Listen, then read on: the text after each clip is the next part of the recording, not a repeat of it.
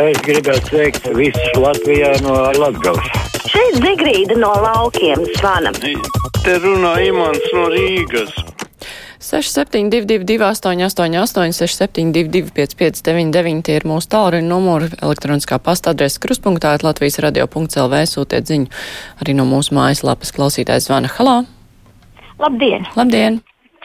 Es gribētu jautāt, nu, tā kā komentāru, e, kāpēc Eiropas Savienības valstis ļaujās pa vienai runāties ar Krieviju? Kāpēc Eiropas Savienības valstis neturās kopā un mm, netur vienu politiku? Jā, nu, būtu labi, ja būtu tāda viena skaidra atbilde un risinājums uz šo jautājumu. Jā, diemžēl tā notiek. Jā. Protams, ka būtu labāk, ja būtu viena politika. Bet nu, katram vienmēr ir kādas savas īpašās intereses un gribas kaut kur to un šo, un tad beigās tā arī sanāk. Klausītājs uh, Guntis raksta interesanti, gan saimnieko veselības ministrijas ierēģi, ja izrādās, ka e-veselība ir brāķis, tad kāpēc nav paredzēts līgumā, ka brāķa gadījumā jārada jauna sistēma vai jādod nauda? Tā e-veselība jau tika līmēta pa gabaliņam kopā, tāpēc tur tās sanāk. Klausītājs zvana, halā!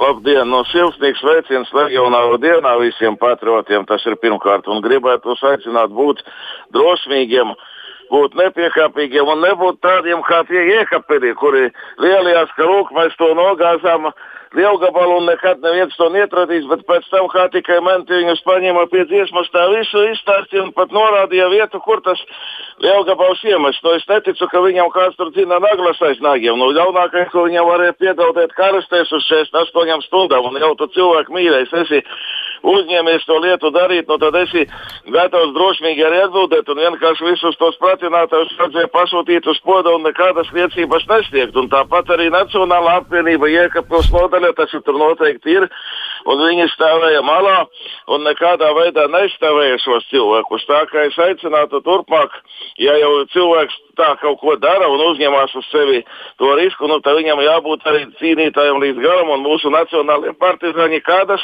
mokas izcieta čekas kambaros, bet viņa liecības nesniedza. Arī mūsu mentiem un drošības iestādēm nekādas liecības sniegt nevajag tādos gadījumos. Paldies par uzmanību! Mm -hmm. Jā, lūdzu par uzmanību.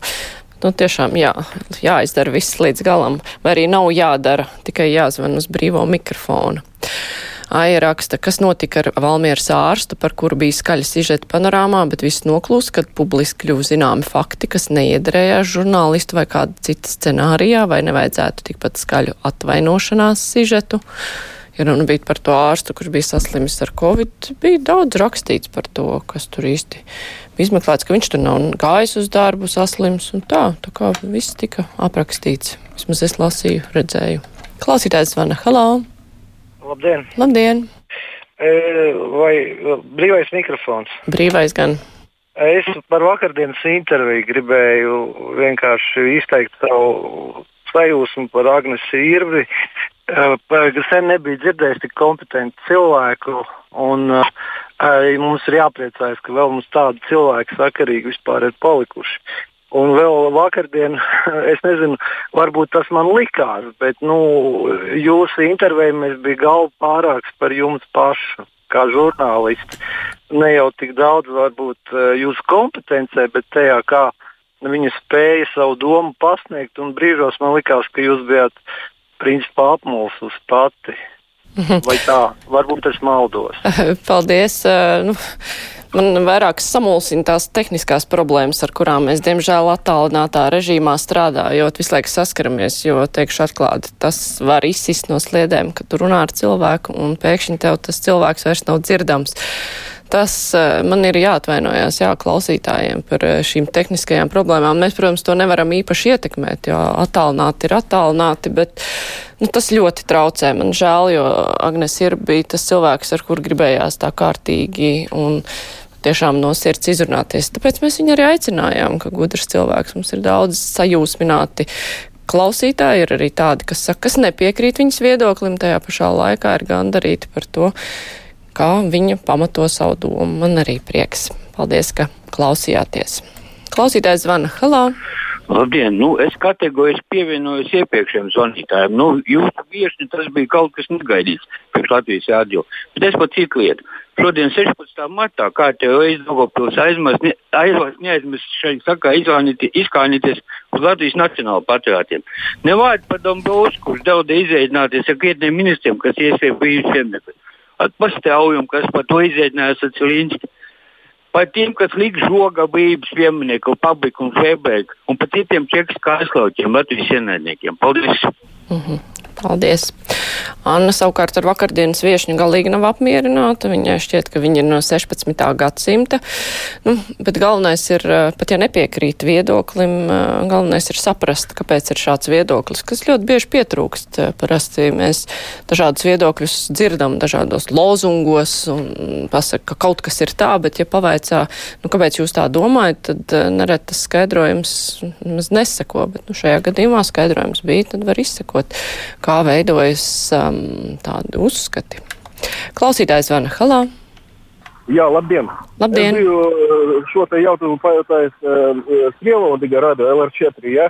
bet uh, toties, nu, es, kad latviski domāju, mēģināju runāt, tad man tas sanāk maz, mazliet adekvātāk, tad es ceru, ka es šobrīd uzdošu jautājumu, un sapratīsiet arī tie cilvēki, kuri var to ietekmēt. Uh, principā daļai tas būtu jautājums uh, Jansona kungam. Ja? Nu, mēs ar viņu bijām runājuši kādus gadus atpakaļ, bet toreiz bija tāds sīkums, jā, ka, ja salīdzinām par to, ko es tagad gribu viņam pajautāt. Jo redziet, izveidosies, tik un tā izveidosies cilvēku grupa, jā, un diezgan pamatīga. Jā. Ja sabiedrību ņemsim, tad tu, tur nevar pat šķirt pēc, ne pēc amata, ne pēc uh, vecuma, kuri tomēr negrib potēties. Jā, jo baidas, pirmkārt, ka es, es esmu ļoti alerģisks cilvēks. Jā. Man nopietnas alerģijas uz sīkumiem iet, pat uz krāsām un tā tālāk, un tad es baidos nomirt no tās vakcīnas. Tas ir pamats, lai es atteiktos, atteiktos, ja būtu, piemēram, parastā obligāta vakcinācija vai nē. Jo var izveidoties juridiska kolīzija, ja, un tad ne, neviens nezinās, ko darīt. Paliks vispār bardaku, jo iepriekš jāpadomā, lai cilvēkam būtu pamats atteikties no vakcīnas, un, piemēram, pamatoja to, ka kamēr ir deficīts, es tā kā godīgs. Uh, uh, Tā kā nu, godīgs cilvēks, jā, es gribu, lai vakcīna paliktu tiem, kuriem ir nepieciešamāka daudz, daudz vairāk nekā man, piemēram. Jā. Kaut kā tā, to vajag juridiski pamatot. Jā, paldies. Jā, paldies. Nu, ja ir medicīniskas indikācijas, tad jau, to jau mediķi arī var izskaidrot. Es domāju, ka tad noteikti var atteikties no vakcinācijas. Tas jau neviens neskries ar šprici virsū un nemēģinās sapotēt pilnīgi visus. Tāpat vienmēr ir kāda saruna ar mediķi pirms tam. Klausītājs Vana Halā. Labdien! Labdien! Nesen dzirdējām ziņu par to, ka tiks būvēta jauna e-veselības sistēma. Tas man atgādina to, ko pagājušajā gadā nostrādāja Latvijas autoceļi. Izmēģinot jaunu tehnoloģiju, nepiemērotos laika apstākļos, izgāžot vairāku miljonu naudu, tam sabendējot Latvijas ceļus.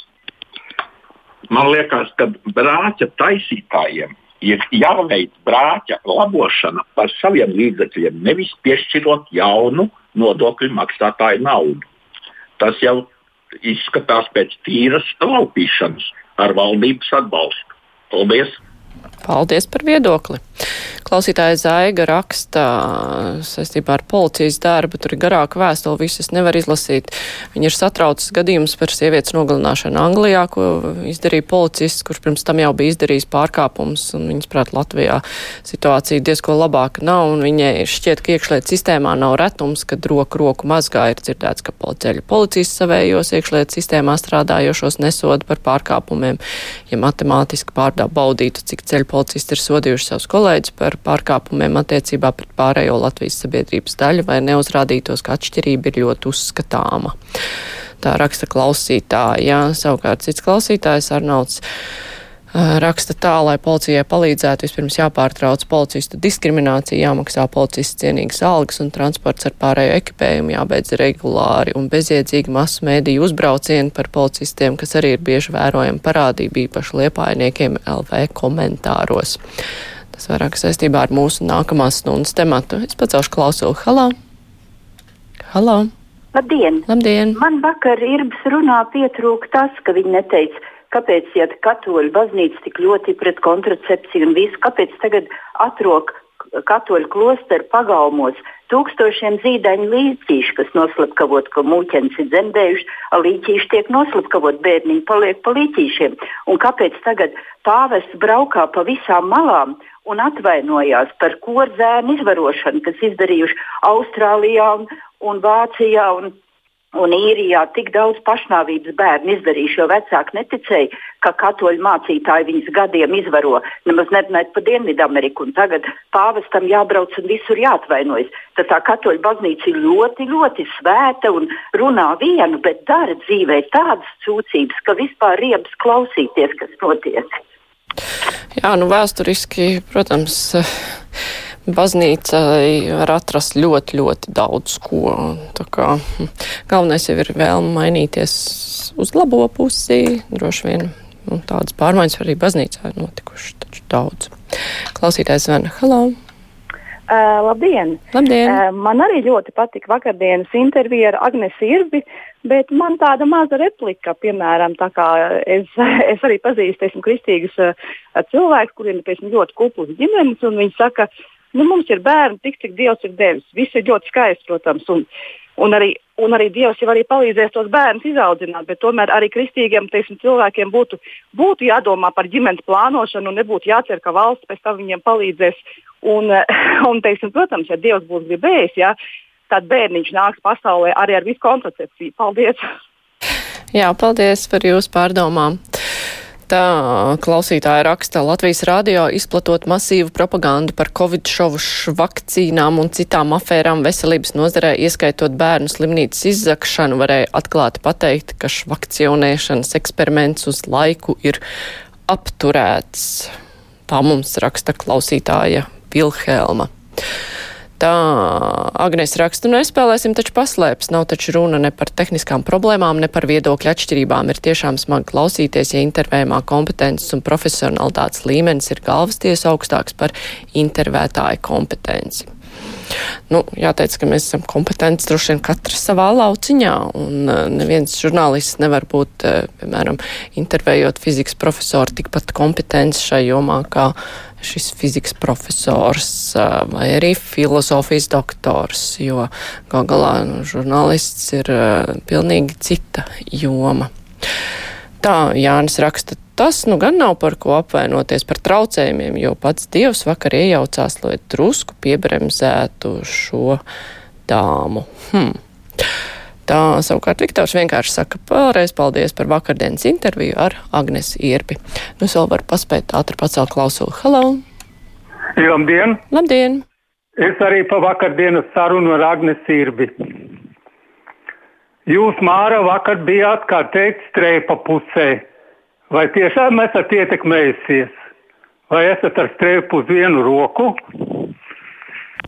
Cik interesants vērtējums streipa pusē. Es nezināju, ka ir tāda streipa puse.